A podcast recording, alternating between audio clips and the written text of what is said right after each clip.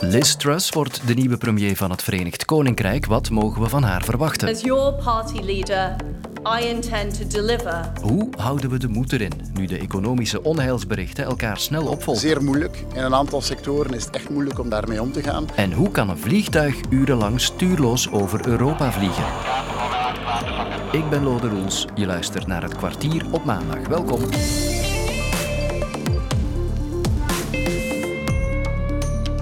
Er kwam vandaag een einde aan een tijdperk in het Verenigd Koninkrijk. Het tijdperk van Boris Johnson. De conservatieve partij maakte vanmiddag de naam van de nieuwe partijleider bekend en dus meteen ook de naam van de nieuwe premier. En zo komt er een einde aan ruim drie jaar Boris Johnson. I will be advocating vote leave because I want a better deal for the people of this country. The doubters, the doomsters, the gloomsters, they are going to get it wrong again. It is done. We are out, officially out of the European Union after almost half a century. This is not an end, but a beginning. This is the moment when the dawn breaks and the curtain goes up on a new act in our great national drama. This pandemic was hard for everyone, and I understand the anger that people feel. Mr. Speaker, uh, I want to thank everybody here and hasta la vista, baby. Thank you. Ben je nog op tijd? Jawel hoor. Het is eerst een speechje en dan is het eh, Sir Graham Brady, de voorzitter van het kiescomité. Hij staat er al klaar met een blauwe envelop in zijn handen. Ah ja, ze komen beiden het op het podium. Ze weten ah, ja. het al. Ah, ja, Ze komen nu allebei op het podium, maar zij weten al wie gewonnen heeft en wie verloren. Liz Truss denk- lacht, ja. Sunak niet, hè? De lichten zijn op haar en Rishi Sunak zit in, het scha- in de schaduw. Ja. Zou dat iets zeggen, wie weet. I, Sir Graham Brady, the returning officer for the Conservative and Unionist Party leadership election, declare Liz Truss is elected as the leader of the Conservative and Unionist Party. Ja, veel, het is gebeurd. Liz Truss wordt de nieuwe premier van het Verenigd Koninkrijk. Niet helemaal onverwacht natuurlijk. Nee, de peilingen zeiden het al een tijdje. Het is Liz Truss en dat, eh, ja, dat hadden we eigenlijk allemaal al verwacht. Ja, dat zagen we aankomen. Ehm, laten we het profiel schetsen van die vrouw. Wie is Liz Truss? Ja, als je begint met haar jeugd, ze komt eigenlijk eh, uit een, uit een eerder linksnest. Dus haar vader was professor wiskunde, haar moeder was verpleegster. Ze groeide op in het noorden van Engeland. En opmerkelijk, als student was ze eigenlijk lid van de Liberaal-Democraten, wat toch eerder een centrumpartij is. En het is pas in Oxford, toen ze daar studeerde eh, aan de universiteit, dat ze geswitcht is, dat ze naar de conservatieven is overgestapt. En daar heeft ze eigenlijk heel snel carrière gemaakt. Er wordt ook wel eens gezegd, ja, ze is zeer ambitieus. Nu, zelf vind ik altijd dat dat altijd iets negatiever klinkt als het over een vrouw gaat. Eh, Rishi Sunak is ook heel erg ambitieus. Boris Johnson was ook erg ambitieus. Maar goed, dat zal wel kloppen. Sinds 2010 zit ze in het parlement. En in 2014 had ze haar eerste ministerpost te pakken. Onder Boris Johnson was ze minister van Buitenlandse Zaken. En opmerkelijk ook, ze is hem eigenlijk trouw gebleven tot op het einde. I'm a loyal person. I'm loyal to Boris Johnson. I supported. Dus zij is een van de, ja, de topministers die in zijn regering is blijven zitten, terwijl de rest eigenlijk opstapte. Ja, en die trouw aan Boris Johnson, daarmee eh, wordt ze nu nieuwe conservatieve partijleider en dus grondwettelijk gezien ook meteen de nieuwe premier. Wat mogen we dan van haar verwachten? Zijn er dan grote koerswijzigingen die eraan komen, denk je? Niet meteen, in die zin dat ze ideologisch dicht bij Boris Johnson aanleunt. Ze heeft hem ook altijd gesteund. Ehm, er zijn wel een paar verschillen. Ze was bijvoorbeeld iemand die tegen de brexit was. Ze is geswitcht en dat is nog een keer... We hebben het al net gezegd, gezegd over die partij. En ze is eigenlijk de laatste jaren een van de grootste verdedigers geworden. En een van de dingen die ze nu wil doen bijvoorbeeld, zijn de laatste EU-wetten in de UK afschaffen. En ook eh, ja, morrelen aan die overeenkomst ehm, met, over de Ierse grens. De Europese Unie vindt dat niet leuk, dus ik denk dat die zich nu wel aan eh, het een en ander verwachten. Ehm, maar net zoals Johnson is ze eigenlijk ook heel erg voor een sterk Verenigd Koninkrijk, een leidende rol in de wereld. Ze wil de defensieuitgaven verhogen. Ze wil hard zijn tegenover Rusland, hard tegenover China. Dat eh, is toch wel opmerkelijk. Maar dan die economische politiek die ze wil voeren, daar zitten toch wel wat eh, verschillen op met Johnson. Ze is eigenlijk rechter, zou ik, als je het zo kan noemen. Ze is uh, heel erg tegen staatsinterventie, tegen big government, tegen sterke vakbonden. Ze is voor lage belastingen. Uh, ze wil ja, de belastingen met 30 miljard uh, verlagen. Een van haar stokpaardjes. En gisteren bijvoorbeeld in een debat op de BBC werd daar gevraagd, kijk, die belastingverlagingen gaat vooral de rijke mensen ten goede komen in tijden van energiecrisis, waar heel veel mensen met hun rekeningen worstelen. En dan zei ze, ja, dat mag toch ook. Growing the economy benefits everybody. This, is one of the things that you've promised clearly. You want to do it. Absolutely. You believe it's the right thing. I do believe it, it's right. But is it fair? That on this decision, yes, it is fair. It is fair yes, to give the wealthiest fair. people more money back. It is fair. Het zijn ook die rijken die uh, de economie moeten opkrikken hè, met hun bedrijven. En dat komt uiteindelijk ook de armen ten goede. Dus dat is toch wel opmerkelijk, vind ik. De vergelijking met Margaret Thatcher wordt vaak gemaakt. Dat heeft hij zelf trouwens ook gemaakt, denk ik. Gaat die op en waarop slaat dat dan? Um, in eerste instantie hebben we allemaal gefocust op haar kleren. Hè. Dus er zijn wel wat foto's intussen verschenen waar ze net zoals Margaret Thatcher met een bontmuts op het Rode Plein staat, waar ze het soort pakjes draagt ja, die, die uit een catalogus van de jaren tachtig lijken te komen. Um, zelf ook noemt ze Margaret Thatcher haar grote voorbeeld. Zoals ik het net zei, een deel van haar economische politiek waar we het over hadden. Hè, ook die nadruk op de hardwerkende Britten tegen die welvaartsstaat die iedereen maar pampert. Dat was ook iets wat Thatcher vaak zei. Maar er zijn toch ook verschillen. Um, een van de vragen is, gaat ze dat allemaal kunnen omzetten in actie? Die dingen die ze nu noemt. Heeft ze dezelfde visie, hetzelfde charisma, doorzettingsvermogen dat Thatcher had? Daar zijn toch wel wat vragen bij. Um, Margaret Thatcher is elf jaar premier gebleven van het Verenigd Koninkrijk. Afwachten of Liz Truss het ook zo lang zal uithouden. Zo is dat. Vele, dankjewel. Maar wat ik deze weekend een algemene teneur was, die zelfs mij als eeuwige positivo overviel, was hoe deprimerend kun je het hebben tegenwoordig? Met de coronacrisis hadden we tenminste nog een soort gemeenschappelijk doel. Ja. En hadden we uh, elke en, maandagochtend een, motivatiepsycholoog die ja. ons kwam bijstaan. Waar zitten de motivatiepsychologen nu? Als uw energierekening de pan uitswingt en ja. uw winkelkar... Ja, en als de politici ook zeggen, het zal ja. moeilijk zijn eh, de komende jaren. En, en, waar kunnen we onze motivatie nu halen? Als je de afgelopen dagen het nieuws wat hebt gevolgd, dan kon je er niet naast kijken. Het was opnieuw geen weekend om vrolijk van te worden. Dit is niet houdbaar. Het is tijd voor bittere waarheden. Dit land is failliet. Kijk eens naar onze schuld. Kijk eens naar ons tekort. Wij zijn erger dan Zuid-Europa. Ik heb twee jaar geleden al gezegd, ja. de volgende economische schok zijn wij het Griekenland van 2010. We staan er het zwakste voor van allemaal. De Europese gasprijs is bij de opening van de gasbeurs in Amsterdam met bijna een derde gestegen. Je zit op een moment van oorlog en wij dreigen in een echte oorlogseconomie te komen. Oorlogseconomie, het nieuwe Griekenland, dat was de oogst van het weekend. En vanochtend ging de gasprijs ook nog maar eens omhoog. Terwijl onze portemonnee steeds leger lijkt te worden. Zelfs de grootste positivo gaat ervan zuchten. Komt daarbij ook nog eens dat we eigenlijk nog maar net de coronacrisis verteerd hebben. Ja, geen wonder dat veel mensen het momenteel allemaal wat somber inzien. Wat een verschil toch tegelijkertijd ook met de coronacrisis, want toen struikelden de psychologen en motivatiecoaches bijna over elkaar heen met tips om de moed hoog te houden. Ook hier bij VRT Nieuws waren ze twee jaar lang kind aan huis.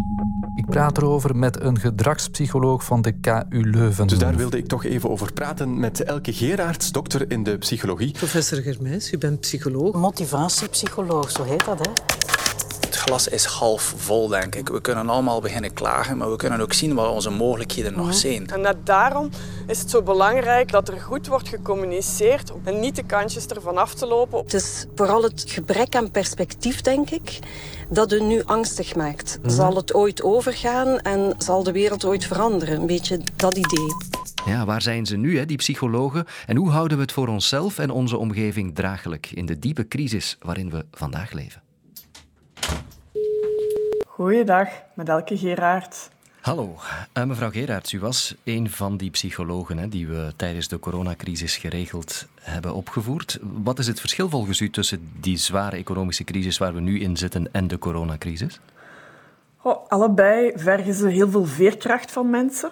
En ik denk dat het verschil erin zit dat uh, er bij de pandemie veel fluctuaties waren op korte tijd waar we telkens ehm, ja, naar uitkeken om meer informatie te hebben, te weten of uh, de regels uh, softer werden. Maar nu zitten we met een voorspelling van vijf tot zelfs tien jaar crisis, dat ervoor zorgt dat het een heel lange marathon lijkt om te lopen. Terwijl er bij de pandemie dat wat kortere termijnen vooruitblik was. Ik heb ook de indruk dat tijdens corona we ons nog konden optrekken aan dat gevoel van ja, we doen dit allemaal samen om dat beest te verslaan. Um, dat gevoel is er nu toch veel minder. Zeker, er was toen een mondiale verbondenheid, terwijl nu is het tegenovergestelde het geval omwille van die oorlog en alle gevolgen die daarbij komen kijken. Dus het heeft nu een veel negatievere connotatie voor de mensen dan dat dat tijdens de pandemie was. Het valt ons ook op dat er nu veel minder ja, motivatiepsychologen um, en mensen ons komen opheppen, bij manier van spreken, in de media. Hoe komt dat? Krijgen we het niet meer uitgelegd of is er inderdaad te weinig perspectief? Uh, ik denk dat de meeste psychologen hard aan het werk zijn om uh, de mensen te motiveren. En dat stilletjes aan, uh, nadat er zoveel berichtgeving is geweest in de media de afgelopen weken rond het, het weinige perspectief of het, uh, de negatieve uitkijk, dat uh, de motivatiepsychologen wel weer geconsulteerd zullen worden, getuigen deze podcast bijvoorbeeld. Ja, zo is dat. Laten we dan eens heel concreet naar de toekomst kijken, met of zonder veel perspectief. Maar wat kunnen we concreet doen om ja, niet weg te glijden in gemopper of somberheid? Ja, mijn advies is hetzelfde als tijdens de pandemie. Laat je niet leiden door elk bericht dat er in de media verschijnt rondom de crisis. we kunnen als een soort van wandelende encyclopedie gaan rondlopen met elk detail over uh, elke gasprijs die de hoogte in schiet. Of we kunnen ook voldoende dicht bij onszelf blijven, bij ons gezin, bij ons werk en daar zingeving uh, blijven creëren en daar energie uithalen. In de pandemie zag je ook dat vele mensen elk bericht over uh, COVID-statistieken wisten en daardoor net hun gemoed ook heel erg beïnvloed werd daardoor. En ik denk nu met alle negatieve berichtgeving die er is en die er wellicht ook moet zijn om een, een nuchtere, realistische kijk te bieden aan uh, de burger, is het wel zaak om goed te weten van wat geeft mij energie? Eh, wat zijn de dingen die ik graag doe met mijn gezin, met mezelf, op mijn werk? En daar ook uh, aan blijven volhouden. Wij houden daar rekening mee, of tenminste dat uh, proberen we. Elke Gerards, dank u wel. Graag gedaan. Ein in Österreich registrierte Cessna ist am frühen Abend in der Ostsee abgestürzt. Ja, wat een bizar verhaal toch. Een zakenvliegtuig dat stuurloos half Europa doorkruist om uiteindelijk neer te storten in de Baltische Zee. Medienberichten zufolge soll der Privatjet Druckprobleme in der Kabine gemeldet hebben. Het Oostenrijkse vliegtuig vertrok zondagochtend in het zuiden van Spanje met bestemming Keulen in Duitsland. Maar al snel na het opstijgen ging alle contact verloren. Het vloog toen ogenschijnlijk op automatische piloot over Spanje, Frankrijk, Luxemburg, ons land ook en Duitsland, om dan plots koers te zetten richting Denemarken en de Baltische Zee. Verschillende landen stuurden gevechtsvliegtuigen de lucht in om contact te maken met het toestel, maar zonder resultaat. Vier uur en 54 minuten na het opstijgen was de kerosine op en stortte het in zee voor de kust van Letland. Er waren vier mensen aan boord. Een Duitse zakenman die naar verluid het vliegtuig bestuurde, zijn vrouw en dochter en de vriend van de dochter. En als iemand die zelf een brevet heeft voor kleine sportvliegtuigjes, blijf ik dat toch zeer merkwaardig vinden. Hoe kan zo'n toestel urenlang door Europa blijven vliegen? Ik ben het gaan vragen aan collega-journalist en collega-piloot Riyad Bari. Ja, een vliegtuig dat blijft vliegen zonder bemanning, dat spreekt een beetje tot de verbeelding, maar eigenlijk is daar niks abnormaal. Hè. Voor je opstijgt, geef je een vluchtplan in in je boordcomputer dat tot in detail vastlegt wat uw route is. Meestal na het opstijgen gaat de piloot automatisch piloot inschakelen en dan volgt het vliegtuig gewoon letterlijk de gevolgde route. Wat er hier gebeurd is, is het vliegtuig heeft dat tijdelijk gedaan en op het moment dat het vliegtuig boven zijn bestemming aankomt en je de landing moet inzetten en dat gebeurt niet, dan schakelt dat vluchtplan eigenlijk uit en blijft het vliegtuig gewoon op een vaste koers doorvliegen. Dat is hier dan ook gebeurd, met dan uiteindelijk boven de Baltische Zee geen brandstof meer en daar is het dan neergestort.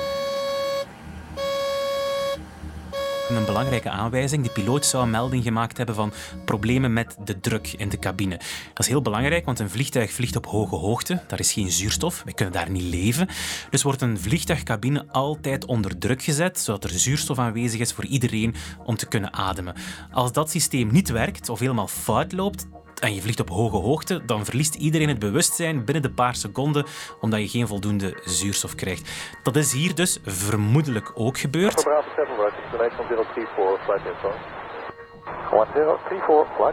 Er zijn in het verleden nogal situaties geweest waarbij bemanningen bijvoorbeeld het bewustzijn verloren hebben. En denk het meest bekende voorbeeld is een eh, Grieks toestel van eh, Helios Airlines in 2005, als ik het goed heb, vlucht 522. The Boeing 737 plunged into a hillside 25 miles northeast of Athens, just after noon local time. Het druksysteem aan boord functioneerde niet goed.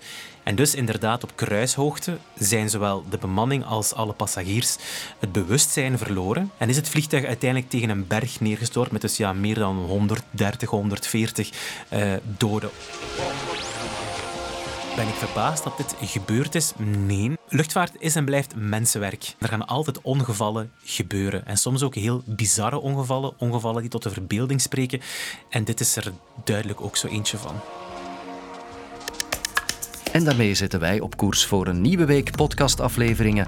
Morgen ben ik er weer met de nieuwsverhalen van die dag. Tot dan.